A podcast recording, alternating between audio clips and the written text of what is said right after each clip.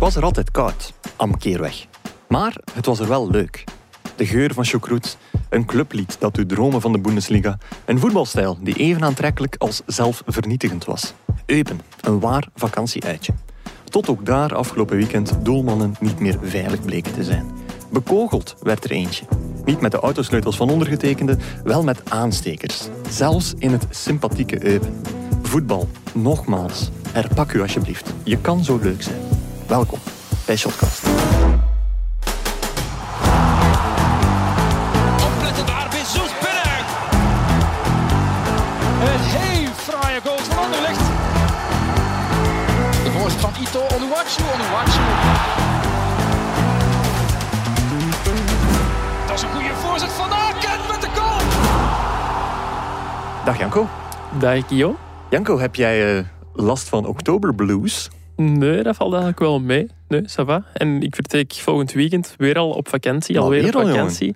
Dus ja, goede vooruitzichten. Huh? Eh, hoe kan dat eigenlijk? Eh, heb jij precies meer vakantie dan Gert? Nee, nee, nee, nee, zeker niet. Ja, ik weet niet, met EK zo in het voorjaar veel gewerkt, weinig vakantie gepakt. Dus we Ja. moeten dat nu een beetje inhalen. Oké, goed. Nu, eh, het is geen oktoberblues, want ja, het is gewoon geen werkmaand voor u. Eh, ik, heb nu, wel, ik ben hier nu toch gewoon aan het werken. Dus- Ja, Oké, goed. Ja, als je dat werken vindt. Eh, nee, ik, ik, eh, drop die term oktoberblues meteen. Want ja, dat was toch iets wat mij van mijn stoel deed vallen vorige week. Zijn de oktoberblues als een ja, halve oorzaak, halve aanleiding voor de mindere prestaties van, van de scheidsrechters. En sorry, maar daar, daar zakt mijn broek vanaf eigenlijk. Ja, dat begrijp ik. En allee, ik zal mijn best doen om deze aflevering wel Uw broek aan te 45 houden? minuten, 45 minuten lang aandachtig te zijn. Om te bewijzen dat ik geen last heb van oktoberblues. Oké, goed. Want eh, ik kan wel eens begrijpen dat je door de beginnende donkere, eh, donkerte, eh, beginnende duisternis die over ons daalt. Het is hier ook heel donker nog in de studio deze, Ja, deze maandag. Ik heb er wel last. Dat, is wel iets waar ik het wel lastig mee heb. Zoals morgens wakker worden en de zon die nog niet schijnt. Oké, Dat vind ik echt super vervelend aan de winter. dat is uw Zuiderse roots, dat ja, duidelijk naar naast komt. kou, dat vind ik ook echt heel, heel vervelend. Alright, ja. Wel, eh, ik begrijp dan wel dat je een keer minder gemotiveerd bent als scheidsrechter om je 10 kilometer of je 15 kilometer training te gaan doen. Maar als je het niet meer voelt tijdens een, eh, ja, tijdens een competitiewedstrijd, dan zijn de dringend, heb, je, heb je dringend nood aan vakantie of aan een ander beroep, denk ik dan. Ja, misschien toch eens beginnen rondkijken bij eh, het VHB of zo. Nu, eh, ik moet wel zeggen, ehm, ik ben normaal de persoon die heel vaak over scheidsrechters en heel gewichtig erover praat. Ik moet zeggen dat jullie dat vorige week eh, uitstekend gedaan hebben. Zowel de analyse over de 3D-lijn als de buitenspelregels. Ja, die vond ik gevat en, en scherp. Dank u. Ik ga die complimenten hier in ontvangst nemen. Maar ik denk eigenlijk dat ze vooral voor, Lars zijn. Want ik had met die analyse niet zoveel te maken. Ja. Maar toch bedankt. Ik ben wel streng geweest voor, eh, voor de fans Ja, vorige week. Niet onterecht. Niet onterecht, maar hij heeft dat weer niet geholpen. Nee, ja, Dus ik, ik zei het al in mijn openingswoordje. eh, zelfs in het eh, o zo sympathieke Eupen waren er nu aanstekers richting Anthony Maurice, doelman van Union. Ehm, verder waren er nog biergooiers en Serin. Eh, er waren- ook weer lege flesjes richting Mignolet. En dat zijn zelfs zaken die we nu als bijna... Oh, maar dat is maar een kleine overtreding zouden durven gaan beschouwen, wat we absoluut niet mogen doen. Ehm, ja, en als triest dieptepunt was er doorheen de week natuurlijk ook het in elkaar slaan van, van Guido, de Ja. Belgische Manchester City fan. Dus ehm, ja, gewoon benoemen, denk ik. Want dat is het enige wat we er kunnen tegen doen. We moeten het gewoon altijd zeggen, want dit kan gewoon niet meer. Ja, inderdaad. Je noemt nu maar een paar zaken op, maar je zou er gewoon nog meer kunnen noemen. En dat is het, is het erge eraan. Hè. Misschien wel nog iets... Ja, grappig is niet het juiste woord als we over dit soort dingen praten. Zeer Maar- benieuwd wat er nu gaat komen wel. Ja, ik heb iets gelezen, in uh, Le Soir was het, dat dus in uh, Serein-Charleroi was Ja. er ook een probleem. Werd er onder meer werden er inderdaad fla- eh, flesjes naar eh, de doelman van Charleroi gegooid, denk ik, als ik me niet vergis. Ja, dat kan. Maar er was ook weer van alles te doen met pyrotechnisch materiaal. Ja. En wat bleek nu? Ze hebben in de toiletten, in de bezoekerstoiletten op Charleroi, Ja. hebben ze ehm, condooms gevonden. ja. Dus Charleroi had dan iets meegesmokkeld. Nee, nee, nee, want het was op Charleroi. Oké. Toch? Of vergis Eh, ik mij nu? Nee, het was op Serrain, denk ik.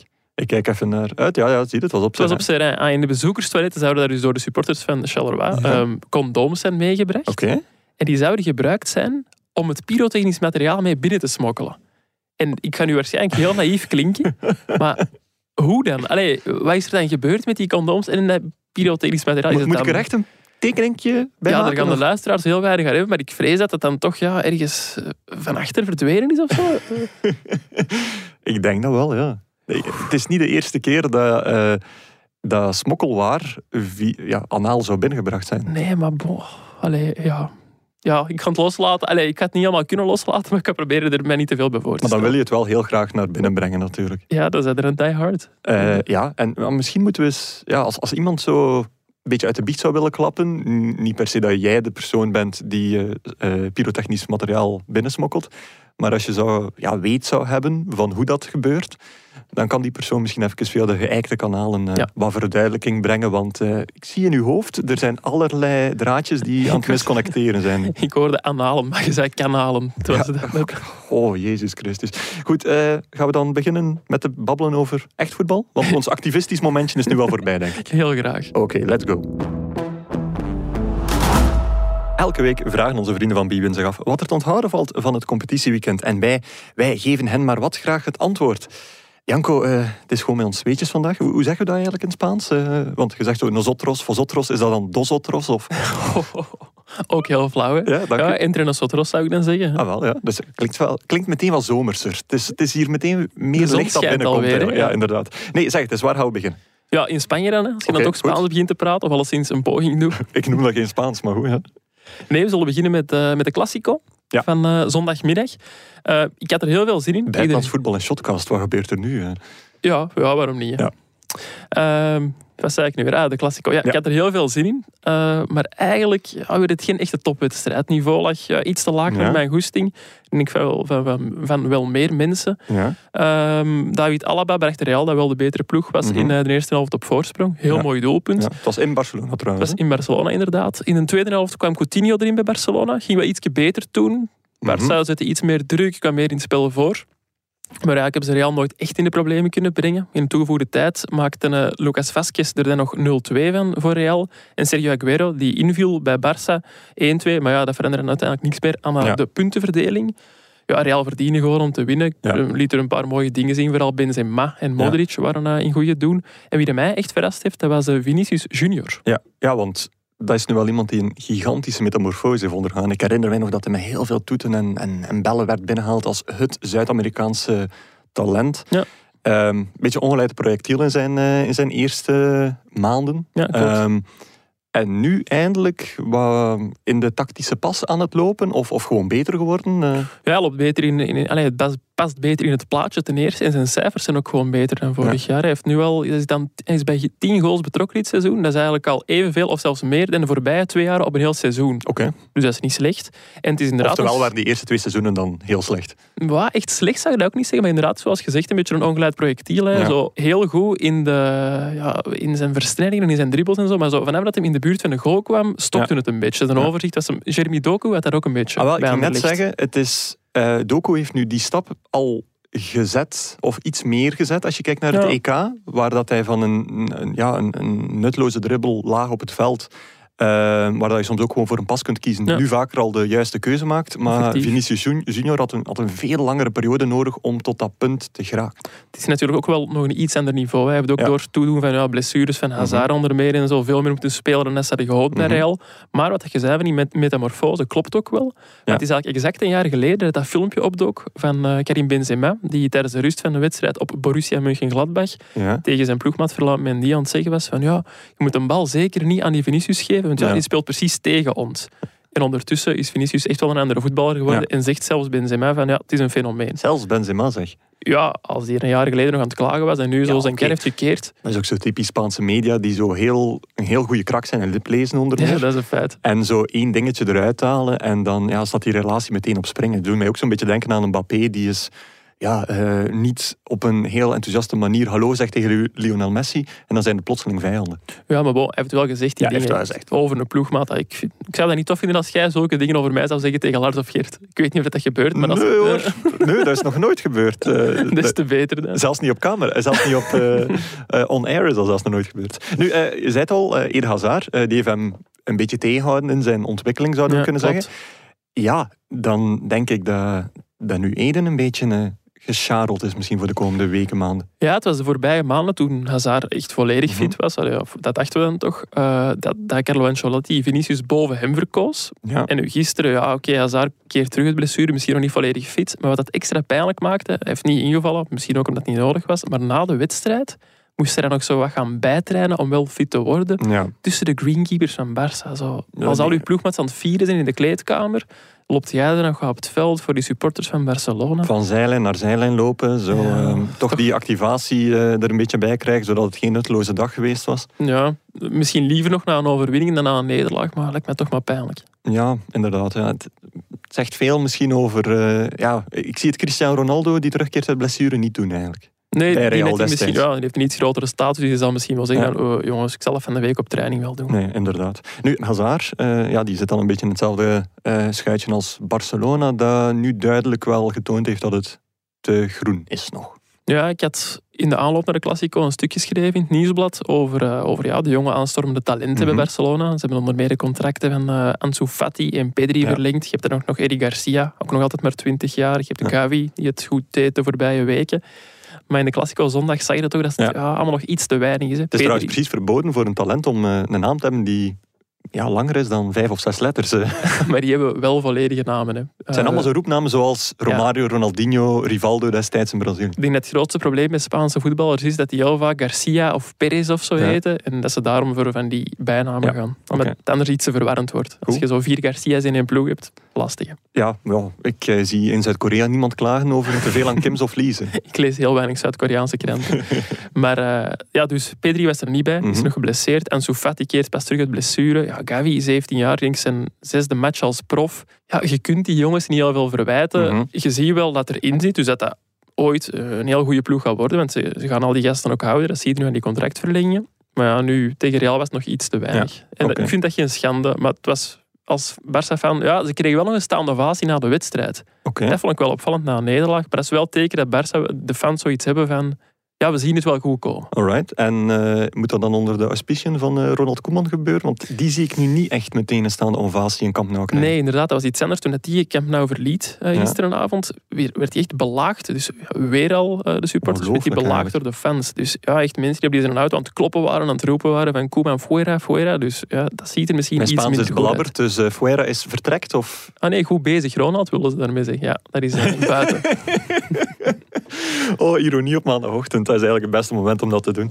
Eh, nee, dat is wel waar. En ja, zeker ook bij die eh, Spaanse toestand. In Real en Barcelona heb je dat wel. Die, die, ehm, zeker in Barcelona moeten de spelers eh, met een wagen van de club in een heel beperkte ingang binnengaan. Dus Ja, dat is echt een ja. beetje een, een flessenhals.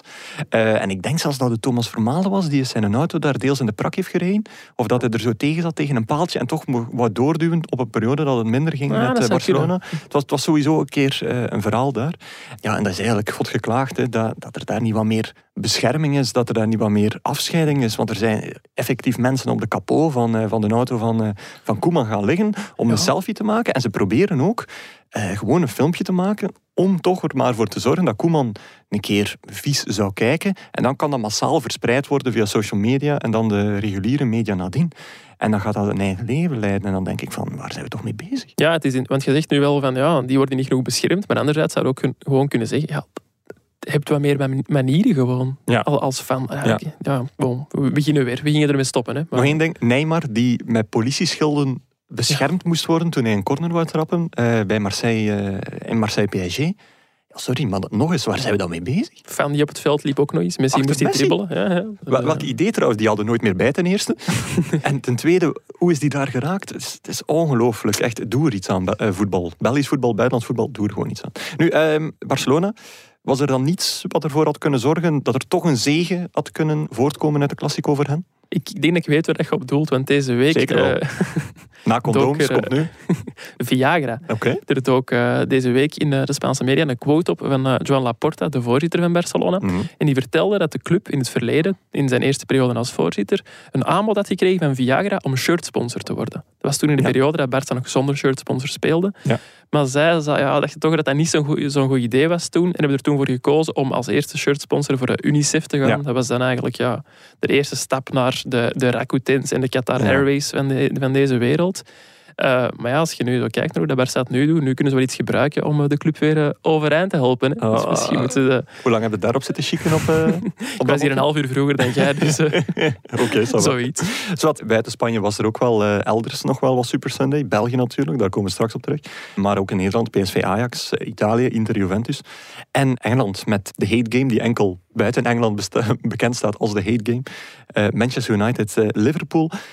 En die laatste was nogal, was nogal pittig. hè? Ja, 0-5. Ik herhaal het. Allee, 0-5, dat is ontzettend pijnlijk. Eh, er doken zelfs beelden op in de tweede helft van duizenden supporters die Old Trafford gewoon aan de verlaten. En het was eigenlijk 0-2 bij de rust, als ik mij niet vergis. Ja. En na de nee, ik denk dat al 0 was het al 0-3 bij de rust? Ah, ik denk Ja. dat de 0-3 juist in de tweede helft was nee, gevallen. ja. Alleszins, je zou nog wel kunnen denken op zo'n moment van ah, we trekken het hier nog recht. Maar ja, nee, gewoon geen geloof meer in die ploeg. Allemaal gewoon vertrokken. Ja, eh, eh, het stadion van Manchester, Old Trafford, staat ook bekend als Theatre of Dreams. Ja. En eh, dat heeft een dubbele betekenis. We zijn ja, het theater om te dromen en dergelijke. Maar anderzijds, het publiek ehm, heeft een heel groot percentage toeristische aanwezigheid in zich. Waardoor er ook heel veel mensen zitten die weinig hebben eigenlijk met Manchester United. Zoals de echte fans van Menu, die er wel aanwezig zijn wel hebben. En dan denk ik dat ze die na een tijdje ook wel eens het zouden durven eh, afbollen, omdat hun ja, al vooraf weinig interesseert. Ja, dan zijn nu maar eens fan van eh, United, zou ik denken. Ja, wel, ik zal hier een kleine ontboezeming doen. Ik zeg normaal niet echt dat ik eh, clubliefdes heb. Het is ook niet echt een clubliefde. In België heb ik dat helemaal niet. Of toch een klein beetje, maar ja, het, is- eerder gewoon sympathie. Mhm. Maar vroeger ja, was, was Manchester United wel, wel mijn ploeg. Dat is wel de ploeg waarvoor ik thuis bleef om naar te kijken. En ook om ja, te zien hoe dat ze het deden. En Oh, ben verrast. ja, inderdaad, ik weet het al. Hij heeft verrast, een hart. Ja, ik, ik heb een hart, wauw. Eh, en het was vooral leuk, omdat eh, mijn broer was dan voor Arsenal. Die is eh, vier en, eh, jaar jonger. Mijn onkel en mijn tante die gingen vaak naar, die gaan nog steeds vaak naar Engeland. Die brachten dan altijd zo kalenders mee. Voor mij altijd die van Menu, die van mijn broer van Arsenal. En alles wat hij kocht kwam in tweevoud. Voor mij Menu ja. en, en voor hem Arsenal. Ja, het was sowieso ook de periode van de Invincibles. Dat Menu een beetje achterop hinkte op Arsenal. Maar dat waren nog steeds de grote twee. En ja, Menu, Mhm. ik moet u niet zeggen, eh, Ferguson als coach. Eh, voor de rest, Scholes, Giggs was mijn favoriete speler. En daarvoor nog York en Cole. Herkende je zelfs Eh, zo'n beetje in kicks of zo? Eh, Je wordt ook een linkerflankje, ik weet niet. Ja, en ik sla op mijn vrouw, of?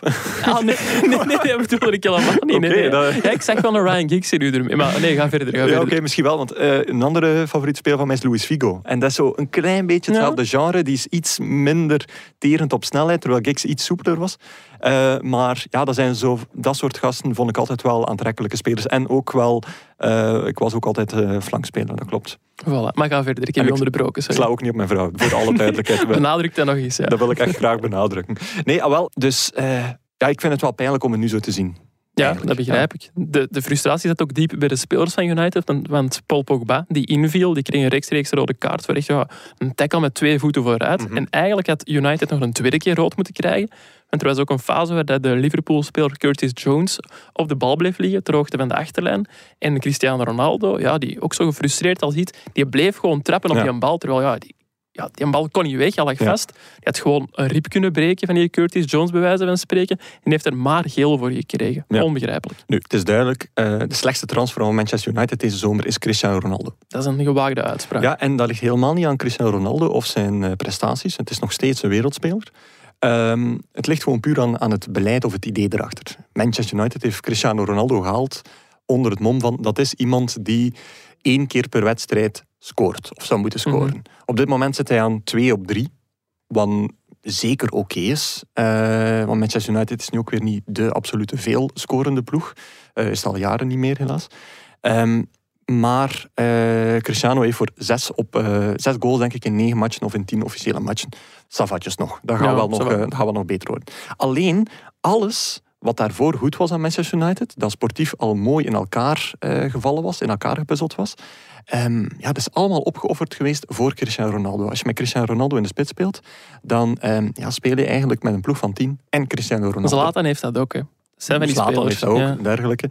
Nu, ehm, ja, uit de cijfers blijkt, Cristiano Ronaldo is de speler die het minst, of de spits die het minst druk zet in heel de Premier League. Mhm. Eh, hij heeft zelfs, denk ik, de, hal, de helft minder drukacties eh, ten opzichte van de voorlaatste in dat klassementje. Dus dat is al waanzinnig. Ehm, hij heeft ervoor gezorgd dat Bruno Fernandes, die eigenlijk zo ja, vanuit die tienrol en als valse flank eigenlijk ja, heel dominant kon spelen, een beetje dat spel naar zijn hand kon zetten, die moet zich nu helemaal wegcijferen. Paul Pogba heeft ook in het begin van het seizoen een paar keer van op de flank kunnen spelen, waar dat hij veel vrijer was, Ja. waar dat hij veel beter was dan in die ja, middenveldsrol, dat hij met iemand naast hem moest spelen. Hij is terug naar daar gebracht, dat werkt ook niet, die heeft daarvoor te weinig defensieve instellingen. Dus het probleem nu is met Manchester United, ja, dat is vis nog vlees. Eh, daar heb je ja, heel grote gaten tussen de linies, verdediging en middenveld. Ronaldo die dan af en toe wel eens druk zet, dan wijst naar iemand anders, like Greenwood of zo, die mee druk moet zetten. Maar er zit er allemaal geen idee achter. En dat maakt Nee. hen heel kwetsbaar tegen een heavy metal voetbalploeg als Liverpool, maar ook tegen Leicester City, Mhm. waar dat ze ook redelijk eh, kansloos zijn, eh, zijn eh, ja, onderuit gegaan. En ja, het, dit is gewoon het einde van Solskjaer. Of dat zou het op zijn minst moeten zijn. Wordt hij nog vandaag ontslagen? Ik, hoop van niemand en dan is onze achter- aflevering al meteen weer achterhaald. Ja, er zijn wat risicogevallen wel inderdaad, vandaag. inderdaad. Maar goed, kijk, ik heb een ontboezeming gedaan. Tevreden? Ja, eigenlijk. Ja, ik had dat niet verwacht. Dat Oké. je dat eh, zo live zou doen. Alright. Ga je er nog knippen achteraf misschien? Nee, ik ga helemaal niet meer knippen. Oh. Ik ga helemaal niet meer knippen. Nee, eh, iets positiefs dan. Ehm, België. Een weekend zonder veel kartonnen bordjes. Ik dacht al positief, Ja. België. Hè? Want eh, de keerzijde van de medaille, geen kartonnen bordjes. Wel een Super Sunday die, ja, zoals veel Super Sundays eigenlijk weinig kon bekoren. En dan vooral denk ik Antwerpen Club Brugge. Klopt, ik heb die wedstrijd gezien. Het was eh, een mager beestje inderdaad. Oké. Eigenlijk eh, was het sleutelwoord Engels. En niet alleen de speler Engels. Je zei echt een half uur vroeger binnengekomen om woordgrapjes te bedenken. En de mensen denken nu waarschijnlijk dat ik die allemaal opschrijf. En zo. Ja. Voor een deel is dat ook wel zo. Ja, ja, dat is 100% zo. Nee, maar eh, Engels was dus het, het sleutelwoord inderdaad. Ten eerste de sfeer in het stadion. Het was voor het eerst sinds lang nog eens een wedstrijd tussen Antwerpen en Club Brugge voor een vol stadion. En ik vond het echt wel voor de wedstrijd al vrij indrukwekkend om te horen hoeveel, hoeveel sfeer er was in het stadion. Echt zo'n Ja. beetje een eh, Engelse sfeer. Dus vandaar dat Engels het Het is vooral goed dat je zo echt zo en een, uitleg ook. Hè. een nanoseconde wacht, alvorens nog eens Engels te zeggen, om toch zo heel subtiel die nadruk erop te leggen. Ja, nee, maar dat was dus vrij indrukwekkend om te horen. Het jammer was alleen dat ook een beetje iets te veel een wedstrijd op zijn Engels werd. Het wa- Het was een vrij hoog tempo, heel veel duels en zo. Maar beide ploegen vergaten daardoor een beetje om goed te voetballen. Klassiek Engels bedoel je dan? Ja, ja het, het oude Engels, Ja. niet het, eh, het, Engel, het Liverpool-Engels van Niet Man of City, zo. Liverpool bijvoorbeeld. Nee, inderdaad, dat helaas niet. Waardoor dat, ja, heel weinig kansen, heel veel fouten, heel veel slechte passes eigenlijk ook wel. Mhm, mhm. Dus het was niet een leuke wedstrijd om naar te kijken. Ja. Gelukkig was er dan nog Bjorn Engels, die eh Antwerp op voorsprong bracht met een, eh, met, met een goede kopbal. Tweede helft eh, maakte de club dan toch... Nee, dat was nog in de eerste helft. Maakte de club toch nog Mhm. gelijk via Hans van Aken. Die hier nog steeds zit in de studio trouwens. Ja, hey Hans, lang geleden.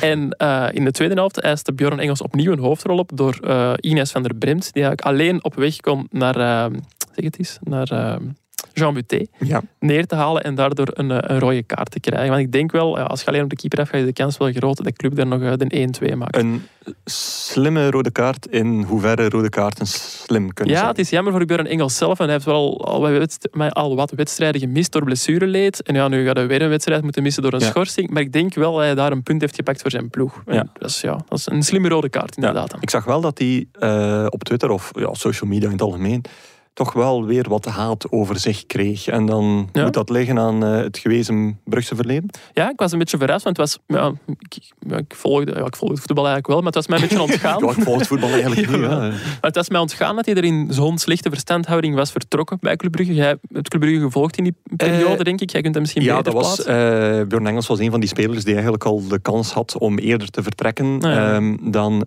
niet mocht vertrekken. En dat wel duidelijk een invloed op zijn prestaties. Ja. In die mate zelfs, ik herinner mij, Club Brugge was eens uitgeschakeld geraakt in een heel vroege Europese fase op AIK Athene, denk ik. Mhm. Daar speelde echt een draak van een wedstrijd. En ik weet nog dat in, ehm, eh, in de... Ja, het was niet eh, een... een eh, eten, ja, het was meer een receptietje. Mhm. Zeiden de mensen van het bestuur van, ja, we hebben nu eigenlijk een paar spelers, onder meer verwijzend naar eh Björn Engels, tegen hun zin hier gehouden. Ja, omdat ze dachten dat dat het idee was om naar het volgende niveau te gaan. Dat mogen we echt nooit meer doen, omdat dit het resultaat daarin kan zijn. En sindsdien hebben ze er wel redelijk aan gehouden. Echt, echt zo Ja. dwingend zeggen, nee, jij mag niet weggaan. Dat doen ze nu niet meer of veel minder. En dan zie je wel dat die spelers eh, wel met hun geest bij de club blijven. Ja, ik las ook bij veel fans dat ze het hem dan kwalijk namen dat hij juichte bij zijn doelpunt.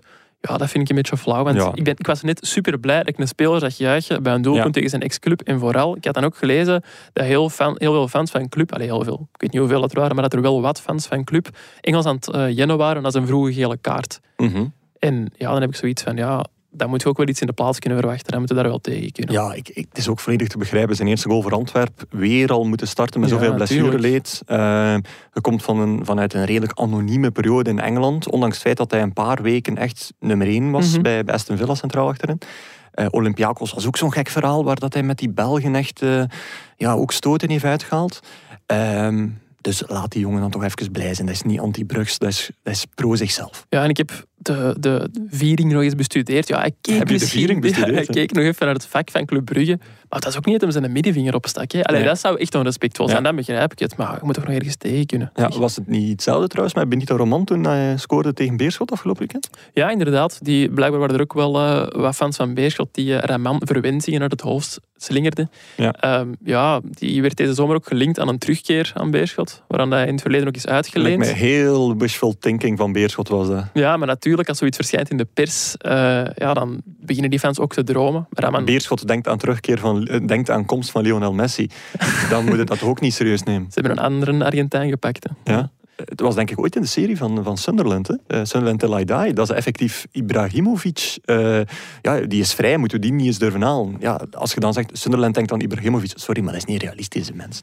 Nee, maar om nu Benito Raman te gaan vergelijken met Zlatan Ibrahimovic. Nee, Het was een transfer die ja, mij volledig van de pot gerukt leek. Omdat de niveauverschillen tussen speler en club gewoon te groot zijn. Nee, dat snap ik inderdaad wel. Maar bon, bij veel fans van Beerschot lag het blijkbaar nogal gevoelig dat hij toch voor Anderlecht heeft gekozen. Ja. Maar daar ben ik ook nog eens de viering gaan bestuderen. Ik heb Benito Raman ook niet zien juichen bij zijn doelpunt. Dus ja... En, Ik, eh, en, en als hij het wel had gedaan, had hij hem ook niets verkeerd gedaan. Dat wil ik even benadrukken. Want ik zou nog graag eh, dan willen zeggen, toen Benito Raman al lang eh, getransfereerd was naar een van zijn vele nieuwe clubs, is hij nog eens teruggekeerd naar Beerschot, meerdere keren. Mhm. Toen zij de promotie konden vieren naar derde klasse, denk ik toen, of vierde, ik denk kunnen. derde klasse.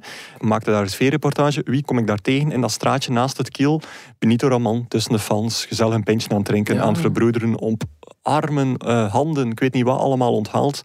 Dus, allee, die, die jongen, als hij juicht of niet zou juichen, die wil het gewoon doen voor zichzelf, voor zijn club nu. Geen protest tegen Nee, een oude club. ik pleit voor voetballers die juichen bij goals tegen hun ex-club. Juich, Bij voetballers, deze. Ja. juich.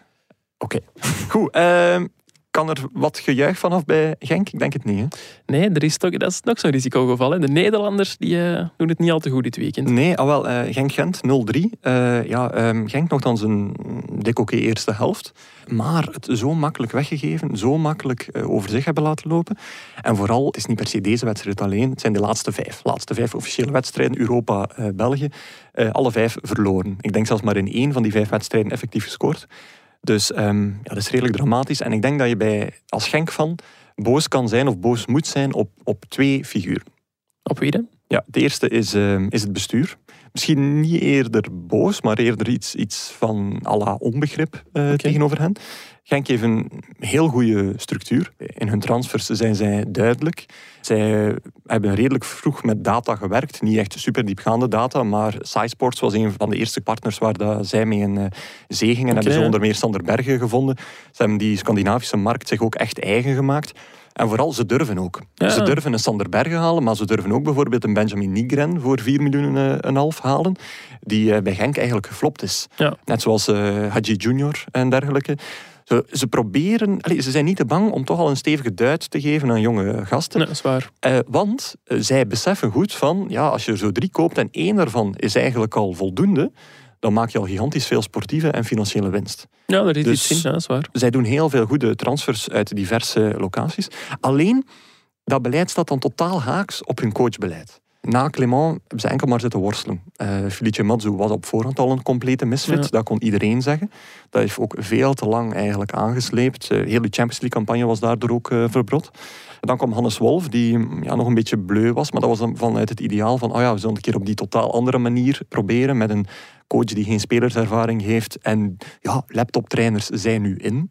Maar zo niet echt heel diepgaand onderzocht van, ja, maar is dit nu een, een, een blessing of is dit nu een, een om het zo Ja. te zeggen. Niet dat Hannes Wolf een complete phony was, maar ze waren daar nog duidelijk niet op voorbereid. Mm. En dan John van den Brom is weer het andere spectrum. Ja, dat is een, een coach die heel basic is in mijn ogen qua aanpak en een klein beetje Beetje passé is. ouderwets, ja. Zo. Ja, en dat past niet bij eh, Genk, vind ik. En eh, ja, dat is jammer om te zien. Ja, ik vind het wel interessant wat je zegt over die keuzes voor die coaches nu. Want je hebt hier ooit al eens verteld dat, er, dat je maar weet hebt van twee clubs die echt coaches scouten ook. Hè. Heeft het dan daarmee vooral te maken? Dat Ik denk wel, gewoon ja. over, ja, dat het gaat over paniekbeslissingen telkens in plaats van een, een lijstje klaar te hebben? Of hoe moeten we dat dan zien? Ik denk dat als, eh, ik weet het niet zeker, maar ik ben er 99% van overtuigd dat als je coaches scout als Genk zijnde, dat je dan niet uitkomt bij John van den Brom. Nee, nee, dat je echt Of dan is er wel iets mis met ogen hebt. Ja, ja, Dan, dan denk ik dat er iets mis is. Ja, het is net zoals met spelers. Mhm. Vaak moet je op zoek gaan naar de, naar de hidden gem. Het, eh, ja, wie doet het eigenlijk goed zonder dat we zien dat hij het goed doet? Het is niet omdat ehm, de resultaten top zijn dat het automatisch een coach is. Je ziet Mark Brijs krijgt nu een gigantische weerslag bij OHL. Ja. Dus ehm, dat is wel belangrijk dat je, dat je eigenlijk iets ziet wat niet zichtbaar is voor de mensen. Nee, oké. Dat als een spits 20 keer scoort, ja, dan wil iedereen hem. Maar als een spits vijf keer scoort en het jaar erop bij uw club zorgt hij dat hij 20 keer scoort, Mhm. dan heb je heel goed gescout. Ja, inderdaad. Je hebt het nu over onbegrip gehad. Ja. Eh, ze moesten ook boos zijn, de fans van Genk. Op wie dan? Op Van den Brom dan zelf. Ah, uiteraard, ja. mensen die al Genk van het begin van het seizoen volgen, je moet eens terugdenken aan de openingsmatch tegen Standaard. Standaard werd toen eigenlijk redelijk bejubeld. Uh, zeiden, oh ja, zoveel Engels uh, voetbal in zich, uh, Janko, om nog eens een linkje te leggen. Uh, Zo'n overgave. Maar Genk, voor Genk was dat gewoon een match van de gemiste kansen. Zoveel ruimte dat er echt vlak voor de verdediging van Standaard zat. Die flanken werd er totaal niks mee gedaan, terwijl je daar ook opties had. Dat was toen eigenlijk al iets van, oei, Genk, dit, dit, kan wel veel beter. En we Ja. hadden ze nog maar net op plaats 1 gezet in onze, in onze pronostiek. En dat vind ik nog steeds zo. Een immens spelerspotentieel dat gewoon niet wordt uitgebuit. En daar is Van den Brom gewoon mee verantwoordelijk voor. Uit de statistieken blijkt bijvoorbeeld dat Genk de ploeg is op wie het minst druk gezet wordt. Je kunt dat zien via gespecialiseerde ja. statistieken. En Genk is ook effectief de ploeg die de meeste passes rondspeelt. Mm -hmm. Maar als je dan kijkt naar effectieve kansencreatie, dan zie je dat ze daar duimen moeten leggen tegenover een Club Brugge, maar ook een Charleroi. Ja, en eigenlijk, als je dat goed doet, zou dat gewoon eigenlijk in het verlengde moeten liggen. Dan zou jij ook de ploeg moeten zijn die het meest creëert, die het meest opbouwt, die het meest succes daarin uh, afhangt. Ja. Maar voor mij is, is, is de grote ontmaskering van John van den Brom, en dat is voor elke coach zo, stilstaande fasen. Een coach die sterk is in stilstaande fasen is niet per se een goede coach, maar een coach die slecht is in stilstaande fase is nooit een goede coach. Dat zijn weer grote woorden. Hè? Ja, dat is omdat dat echt zo maakbaar is. Ja. Stilstaande fase is de enige, het enige moment waarop de bal niet los is. Ja, dat is dus waar, dan kan je ja. perfect voorbereiden, kan je perfect analyseren. En als je, ofwel is het van niet willen, ofwel van niet kunnen. Niet willen is even erg, want op het uh, voorbije WK zijn er 40% van de goals uh, gevallen na stilstaande fase. Dus dan ben je daar niet bezig, terwijl dat superbelangrijk is. En van niet kunnen is even erg, want ja, dan verdedig je je niet tegenover een wapen van de tegenstander, of dan haal je zelf geen profijt uit een potentieel wapen dat je hebt. En als je kijkt naar de cijfers, 19 goals tegen uh, Genk, of zelfs 20, ik denk dat ik die laatste nog niet heb meegeteld. 10 uit stilstaande fase en 7 daarvan uit een corner. 7 daarvan uit een corner. Dat is ja, elke 8 corners ongeveer krijgt Genk een tegendoelpunt. Terwijl normaal cijfer ja, is, is 2 tot 4 procent. Dat is elke 25 of elke 40 corners. Ja. En bij Genk is dat 1 op de 8. Ik zie eh, Bram Verbist ergens in de auto Ja. onderweg naar de training in Leuven duchtig met het hoofd schudden van nee. Waarschijnlijk als, als trouwe luisteraar. Alhoewel, ja, die is zo vroeg vertrokken dat hij dat die al lang Het is. zal voor dinsdagmorgen zijn Het waarschijnlijk. zal, het zal eh, voor dan Maar het grappige is eigenlijk ook wel dat ja, Mark Brijs was in het verleden ook een optie bij Racing Genk als coach. Maar toen was een van de struikelblokken het feit dat Brijs zijn volledige technische staf, dus ook Bram Verbist, wou meenemen. En ik kan me voorstellen dat met Bram Verbist als ja, stilstaande fasetrainer, dat Genk niet zoveel doelpunten had tegengekregen op corners en vrijtrappen. Nee, daar ben ik eh, redelijk van overtuigd. Als een man ons zijn eh wit boek en groen boek en weet nog welk Ja. allemaal boek heeft uitgelegd vorige keer tijdens de special, dan, eh, dan denk ik dat er wel iets beter... Ja, Genk kreeg gewoon allee, de meest lullige goal tegen die je maar tegen kunt hebben. Een corner voor jezelf. Zo slecht in restverdediging staan dat de tegenstander eruit kon scoren. Ja, dat valt te trainen inderdaad. hè. Dan, ja, dat, kan gewoon niet. Zwat, ehm agent. Iets Wel- positiefs, ja. Ja, properkus wel, hè. Ja, niet slecht. In Europa ook 9 op 9. Kun je met thuiskomen, zou ik denken. Ja, ja 9 op 9 in Europa. Eerste zege buitenshuis van het seizoen. Ja, misschien, ik weet niet of dat je weet, maar Gent is een van de twee ploegen waar onze watcher al op het strafbankje heeft gezeten eh, dit seizoen. Ja, eh, de Ja, reden... dat zijn dingen die ik niet altijd meekrijg, maar ja. natuurlijk. Ja. Ja, en, en de, de luisteraar al helemaal niet. Eh, de reden was dat er, ja, ze vonden dat er niet positief genoeg tegenover de clubs gestaan werd. Zijnde van, ja, het is toch niet allemaal zo erg. Eh, ja, dat, je kunt het niet. Ik zie u Ja, ik wist niet dat wij in dienst aan de clubs werkten, maar Ah, dat hebben ze er niet bij gezegd. dat soort zaken. Wel, ja, sorry, maar als je Gent nu dit zag doen, 0-3 op Genk, toch niet onaardig. En 6-1 tegen Club Brugge, toch niet onaardig. En je merkt dat ze maar de negende staan in het klassement, met heel vaak ook heel matig voetbal tegen heel matige ploegen. Dan denk ik dat onze journalist meer in zijn recht was om eh, niet mee te gaan in die Hosanna.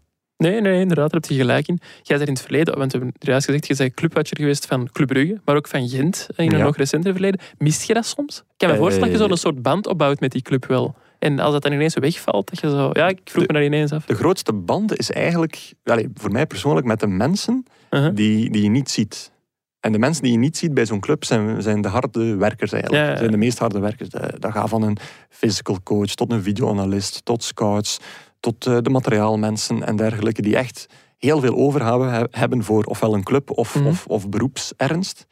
En voor die hoop je natuurlijk dat het aangenaam merken is, dat het leuk is voor hen. Dus als je zou zeggen van een band, dan eerder met hen, omdat zij, ehm, ja, je, je ziet wat er iemand voor doet, dus dan gun je hen dat. Ja. Dat wil daarom niet zeggen dat je daarom niet meer objectief moet schrijven. Nee, nee, tuurlijk. Eh, tevreden met Nee, nee, ik was gewoon heel benieuwd. Het kwam bij mij op en ik was benieuwd. Daar zijn we voor uiteindelijk om vragen te stellen. Hè. Sowieso, sowieso. Goed, eh, ja, we hebben het hier al gehad over, eh, over de Van Akens en, eh, en de Fischers en de Bongondas van, eh, van deze competitie. Maar eh, ja, naast Super Sunday was er eigenlijk veel meer te beleven op vrijdag of eh, zaterdag in eh, Ja. de Belgische competitie.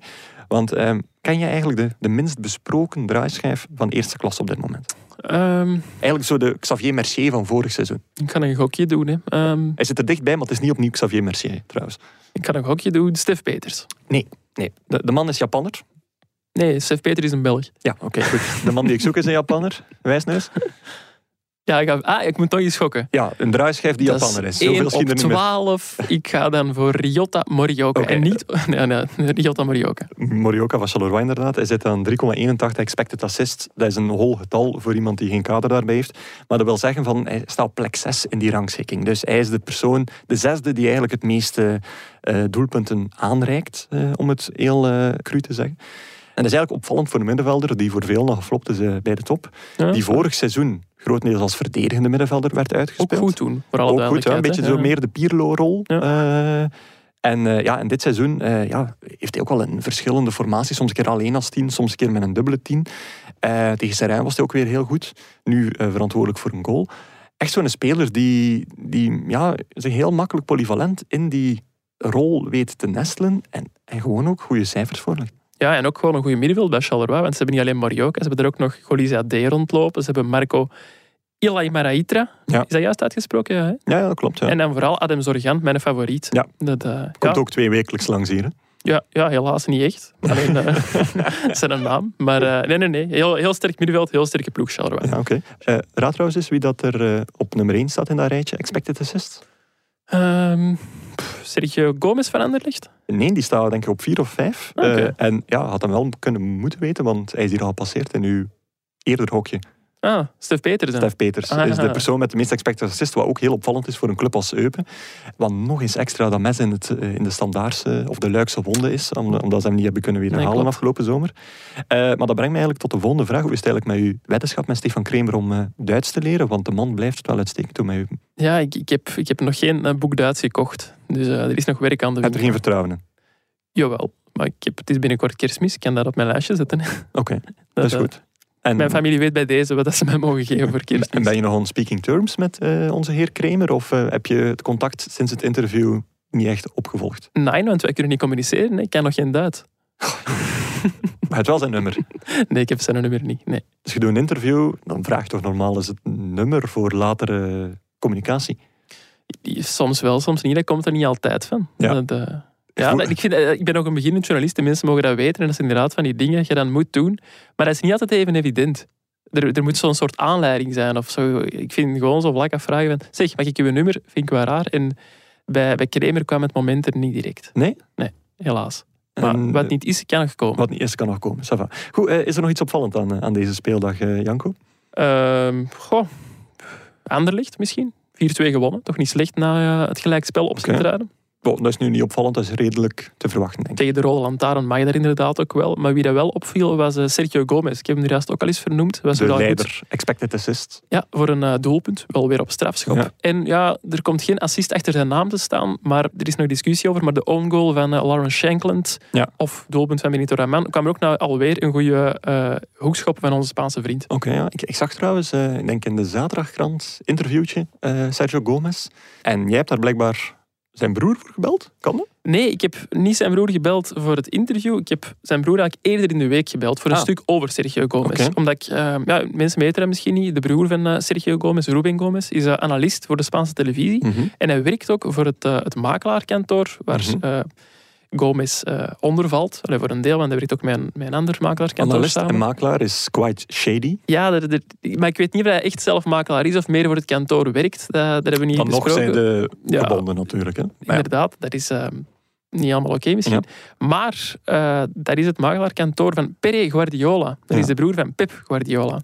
En blijkbaar heeft ehm Pere voor de transfer van, eh, van Gomez van Dortmund naar Anderlecht Ja. ook eerst met zijn broer gebeld om te vragen van ja, die company zeg, wat voor een soort coach is er nu eigenlijk? Wat voor een mens is dat? Wie is company? Ja, nog nooit van gehoord.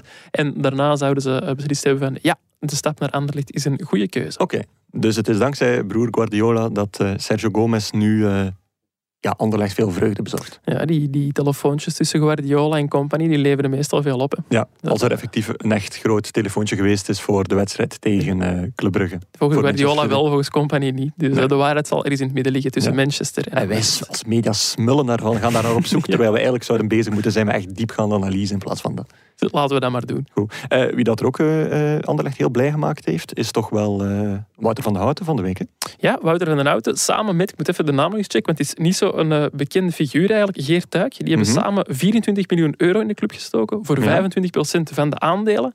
En daarnaast gaat Mark Koeken eh 33 miljoen aan schulden kwijtschelden, tijdelijk, tot de Ja. club weer gezond is. En 18 miljoen euro omzetten in kapitaal. Ja. Dat is allemaal heel technisch en zo. Allee, zeker voor mij. Cijfertjes, hè? Ja, meestal slag ik dan volledig tilt. Maar die investeringen zouden er wel voor moeten zorgen dat Anderlecht opnieuw gezond wordt, of toch min of meer. Maar een paar mensen, onder meer eh, Daan van IJzer en Chris Loze, daar een mailtje over ja, om te vragen van, ja, strookt dat nu eigenlijk wel met de financial Ja. fair play? En dan, als het iets dieper over cijfers gaat, dan kijk ik toch maar in uw richting. Ja, ik die al anderhalf jaar geen journalistiek onderzoek meer doe. Maar je hebt wel altijd beter kunnen tellen dan ik, denk ik. Dat is waar, dat is waar. Eh, nee, ja, Kurt Bertram vroeg het zich ook af op, eh, op Twitter. Ja, ze hebben gelijk. Onder de oude regels van FFP, eh, Financial Fair Play, zou je inderdaad denken van, huh, eh, hoe kan dit in godsnaam? Want er Mhm. was bijvoorbeeld eh, een maximumplafond van 30 miljoen kapitaalsinvestering over een periode van drie jaar. Eh, dat wordt hier met de voeten getreden, zoals Antwerpen ook al gedaan heeft. Maar de huidige regelgeving van Financial Fair Play staat gewoon onhold, is gewoon deels genegeerd door de coronacrisis. De Ah. coronacrisis heeft eigenlijk die regels zeer mak gemaakt, zeer ehm, ja, niet overtreedbaar, want ze zijn, ze zijn eigenlijk amper nog in voegen. Dus dat maximumplafond van kapitaalsinvesteringen is gewoon eh, even weg.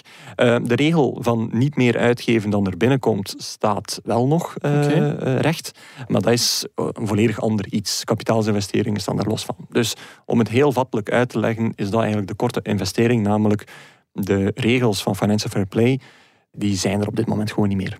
Oké, dus Anderlecht is weer gezond dankzij de coronacrisis. Of begrijp je dat verkeerd? Nee, dat klopt volledig. Oké, dat is tof voor hen. Dat is tof voor hen. Goed. En wat tof is voor ons, is dat we kunnen overgaan naar de wisselrubriek. Ik zie, ik zie wat jij niet ziet.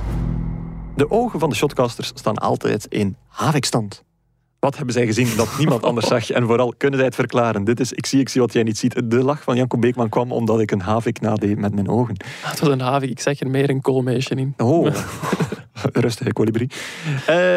Janko, mag ik de spits eh, afbijten in deze rubriek? Bijt het sprits maar af. Ja. Dus, zeg, ik doe ene keer een verspreking en dat is hier direct zo op mijn kap zitten. Bij Gert, toen hij vorige week moderator was, begonnen we elke keer opnieuw doen. Een keer of 37. Oei, was zo slecht. Nee, dat is overdreven. Ik moet stoppen met lachen met mijn bazen. Ja. Janko.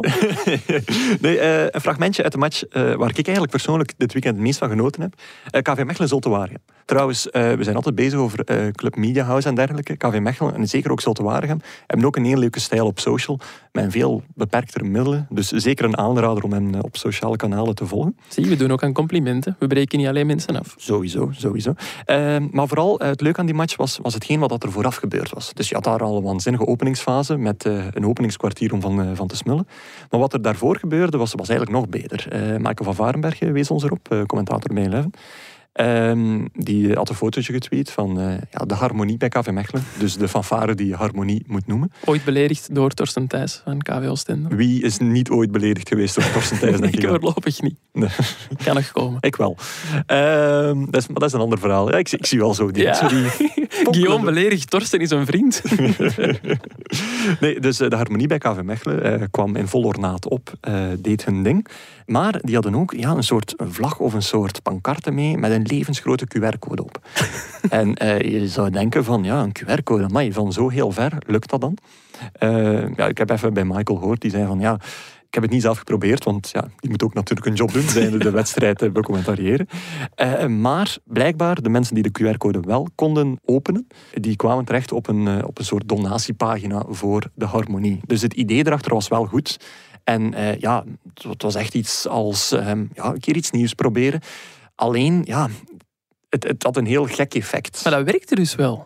Dat werkte wel zo. Oh, dat is wel gek. Alleen weet ik niet van, ja, die harmonie loopt natuurlijk ook langs het veld. Is dan, ja, voor de eerste rijen die daar beneden zitten, Ja.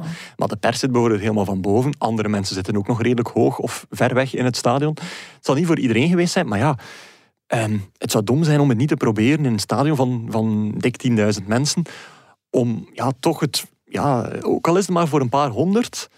Ja, het is toch een leuk extraatje, want heel veel geld zal dat niet gekost hebben, een QR-code e- even afprinten. Nee, nee, dat zal niet. En We zijn er toch over aan het praten. Dus is weer al reclame voor de harmonie. Is dat, ja. Nu, eh, reclame op ehm, Belgische voetbalvelden, zo vooraf. Ik weet niet, eh, ik ga eens de micro aanzetten van onze goede vriend Brett. Heb jij nog een paar voorbeeldjes gevonden van andere reclamestunts op Belgische velden voorafgaand een partij? Wel ja, ik was eigenlijk eh, eens gaan opzoeken op internet. En ik heb eh, de Mauve ketchup gevonden. Ah, ja, daar hebben we ook eens een groot eh, nummer aan gewijd. Misschien moeten we daar even duiden wat dat, precies is. Ah, wel ja, dus dat is eigenlijk een, eh een anderlecht saus, zo wordt het toch omschreven Ja. op de website. Bestaande uit... Een knapperige kapper en tartaar van uien. Oké. En ik weet nog, die werd dus geserveerd in de perszaal, maar die werd toen ook vooraf op het veld dan getoond? Of, of hoe ging dat precies? Nee, sorry, vertel maar. Het is aan. Dat- dat- Ik weet niet of hij, of hij eh, vooraf getoond werd, maar eh Dat je kunt het misschien ook eens via een QR-code doen. Ja, dat kan misschien wel. Je had misschien een potje kunnen meebrengen voor ons om eens te proeven. Dat is op maandagmorgen. Ah, wel ja, ik wou hem juist bestellen, maar Ja. eh, hij is uitverkocht op de Oh, website. Zo populair. Of gewoon gestopt met produceren. We laten het in het midden, denk ik. Nu, kappertjes, uitjes, lekkere tartaar. Eh, ja, het merk dat dat ook produceert is wel eh, een goed merk. Ja. Ehm, Brussels ketchup. eh, ja, het, het is gewoon wel, het is gewoon wel lekker. Ja, stuur gerust een doos op met andere lekkere sauzen dat we eens kunnen testen. Ja, die willen we met veel plezier, eh, veel plezier met onze andere partner Biwin eh op te smikkelen. Eh. dat willen we zeker doen. Eh, jij nog eh, iets wat naar boven komt aan, bij reclame eh, op het voetbalveld, Janko? Ehm, niet echt reclame, maar eh, de zieke Lars Godot heeft mij wel nog een, eh, een, een verhaaltje ingefluisterd staan op KV Oké. Mechelen. Om maar te zeggen dat er wel vaker eh, Beterschap aan eh, meneer Godot ja, trouwens. bij deze veel beterschap. Zorg goed voor kleine chef. Blijkbaar is hij nooit naar KV Mechelen gaan kijken met een vriend. En waren Ja. ze er voor de wedstrijd allemaal plastic ballen in het publiek aan trappen. Oké. En op drie van die ballen stond dan de boodschap dat je tijdens de rust penalties mocht gaan trappen tegen de mascotte. Oké. Lars had zelf een bal gevangen, maar ja, je kent hem, hij was altruïstisch en heeft die een bal doorgegeven aan zijn vriend naast hem. En we vooral niet te veel opvallen voor duizenden ogen, denk ik. Dat zou ook kunnen. Ja. Alleszins, die, een, eh, die kameraad mocht dan penalties gaan trappen en die heeft hij blijkbaar verloren van een tienjarig meisje, wist Lars te vertellen. Oeh, ja, Waarop het, eh, het, het uitvak, wat echt vol met Gent-supporters zat, is beginnen zingen van amateur, amateur, amateur, wat extra pijnlijk maakte. En blijkbaar, nog een, een, een side note, stond in, het, in de spionkop, waar dat ook Lars stond, ook Björn Vlemings vlak bij hem in de buurt. Ah. Dus volgens mij is dat de reden waarom dat Lars is blijven staan en geen penalties is gaan trappen. Ja, ja Björn Vlemings, ieder man, allemans schel- held eigenlijk, denk ik. Zeker en vast, zeker in Nijmegen. Oké. Goed, eh, ja, wat ga ik u nog zeggen hierover? Ah ja, dat deze match niet alleen eh, geweldig was omwille van eh, wat er vooraf gebeurde in het eerste kwartiertje, maar ook eh, om hetgeen wat dat er nu volgt. De Karagiannis Cup. Ja, we hebben het niet op band staan, deze, maar eh, blijkbaar wel een heel mooie, zelfs klassieke Karagiannis Cup die eh, rond deze wedstrijd eh, gaande ging. Want blijkbaar voor aanvang van de wedstrijd, de commentator, Mhm. was eigenlijk een commentator, de stadionomroeper, Mhm. het was Philippe Krols, commentator en Jorve Messiaan, zoals de Waregem-watcher die het ons Ah, ja. hadden ingestuurd. Die zei het volgende namelijk. Vlak voor de aftrap was er te horen. Naar aanleiding van de dag tegen kanker willen we kankerpatiënten een riem onder het hart steken. Ah, ja. Ja, en dat is een superklassieker in de Karagianis Cup, denk ik. Ja, nee, wel. Hoe dat? Ons, een van onze eindredacteurs, Ene Lars Godot alweer, Ja. heeft mij ook daarover een berichtje gestuurd. Ik ben nu wel heel verbaasd over die uitspraak, maar wij hebben die uiteraard al besproken. Ja. En blijkbaar, ja, ik kan even daar, anders klopt er dit helemaal niet. Uh, blijkbaar is een riem onder het hart steken ook correct. Nee. Ja, jawel, want blijkbaar heeft, heeft Lars daar ooit een discussie over gehad met een van zijn leerkrachten. Ja, en zit het zo Dat- dat- dat tien jaar wel, later nog altijd weet. En hij heeft ons al laten weten. Waarvoor dank, Lars. Dus eh, dit klopt ook. Een riem onder het hart en een hart onder de riem, het kan allebei. Maar ik stel voor dat wij voor altijd over een hart onder de riem spreken, want dat Ja, klinkt nee, logischer. nu dat er een opening is om ook hier een lapsus te maken, moeten we dat gewoon doen. Hè? Ja, maar het is geen lapsus.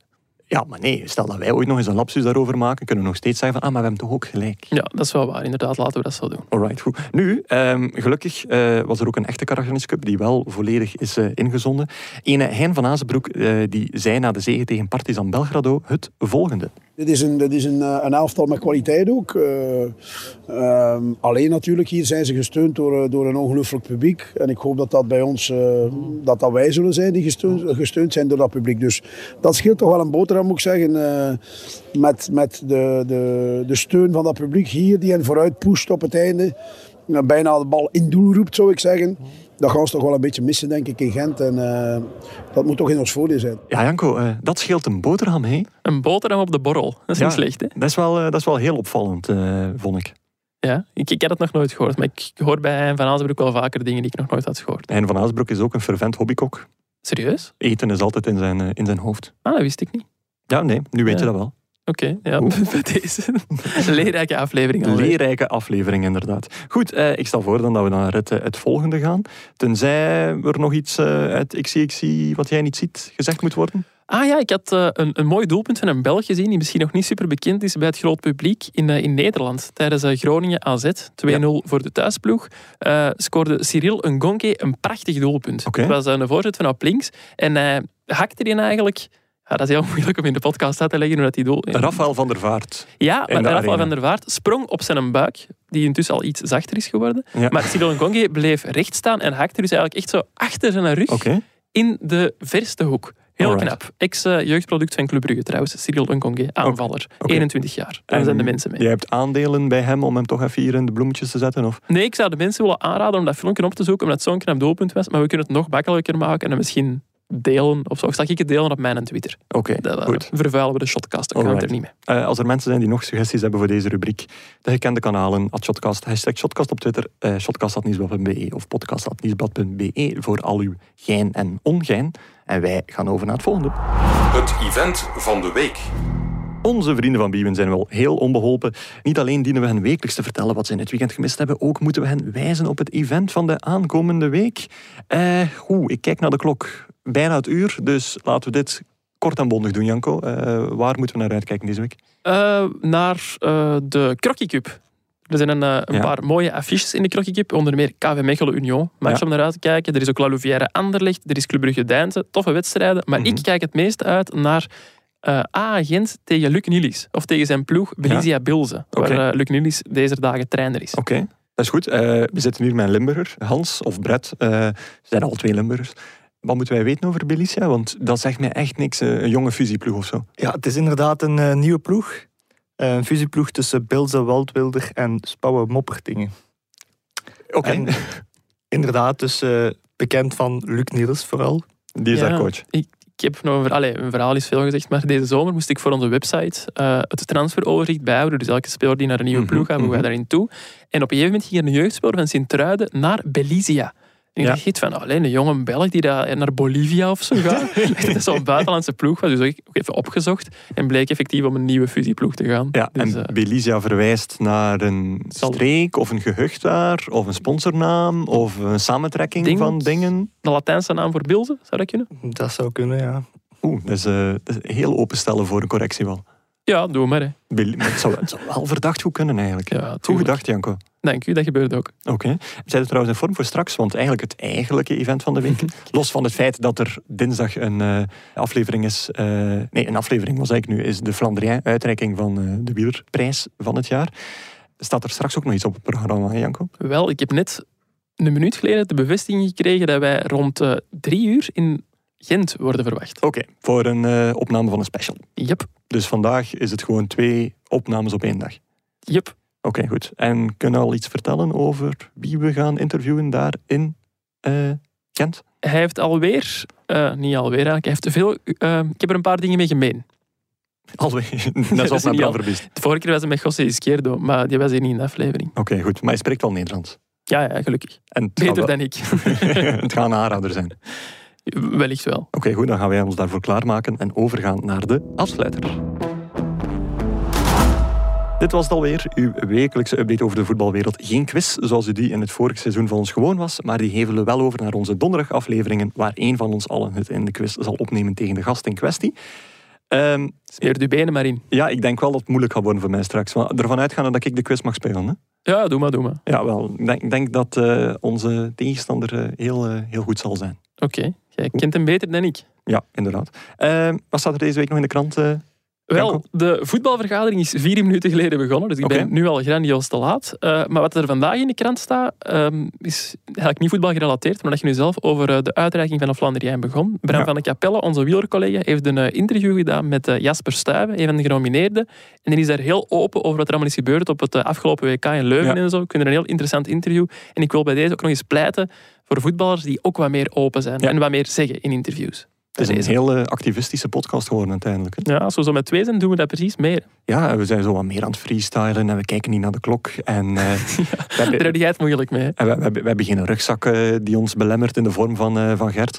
Dus, Die is iets belangrijker op de vergadering dan ik, moeten we er misschien bij zeggen. inderdaad, inderdaad. Goed, ik denk dat we er hier dan mee kunnen ophouden hè, voor deze week. Wie Megascore mist en zich toch graag waagt aan de gratis prono met vrienden, kan nog steeds altijd terecht bij beachamp.bwin.be. Uitgegeven door onze goede vrienden van Bwin, de exclusive bettingpartner van de Pro League, Europa League, Conference League. En eh, als alles goed gaat, zitten we volgende maand ook met een extra leuk cadeautje dat Bwin onze luisteraars eh, zal eh, aanreiken. Waar jullie dan een klein wedstrijdvraagje voor moeten oplossen. En wie weet kunnen jullie dan misschien ergens met twee richting een wedstrijd gaan in de Jupiler Pro League. Allee, misschien Uw natuurlijk. hints zijn super subtiel. Super subtiel inderdaad. Hè. Goed, dit was voor vandaag mensen. Geniet nog na van het afgelopen weekend. Geniet van deze aflevering. En tot volgende donderdag waar wij volgende special presenteren. Tot dan.